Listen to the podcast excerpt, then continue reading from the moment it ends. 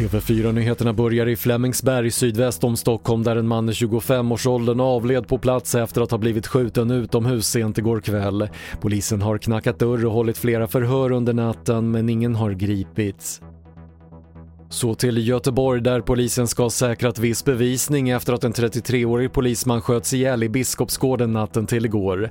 Man analyserar bilder från övervakningskameror och hoppas hitta fingeravtryck eller DNA på tomhylsor som beslagtagits men i nuläget finns inga uppgifter om misstänkta. Omkring tusen personer har evakuerats undan skogsbränder i västra Kanada i spåren av senaste dagarnas extrema värmebölja. Samhället Lytton i British Columbia som i tisdag satte värmerekord i Kanada med 49,6 grader har till största delen utplånats av elden. Många stannade kvar på krogen till efter klockan 22.30 igår sedan de tidigare begränsade öppettiderna slutat gälla. Antalet tillåtna gäster vid varje bord inomhus har utökats från 4 till 8 personer och begränsningarna för storleken på sällskap utomhus har slopats helt. Det var det senaste från TV4 Nyheterna. Jag heter Patrik Lindström.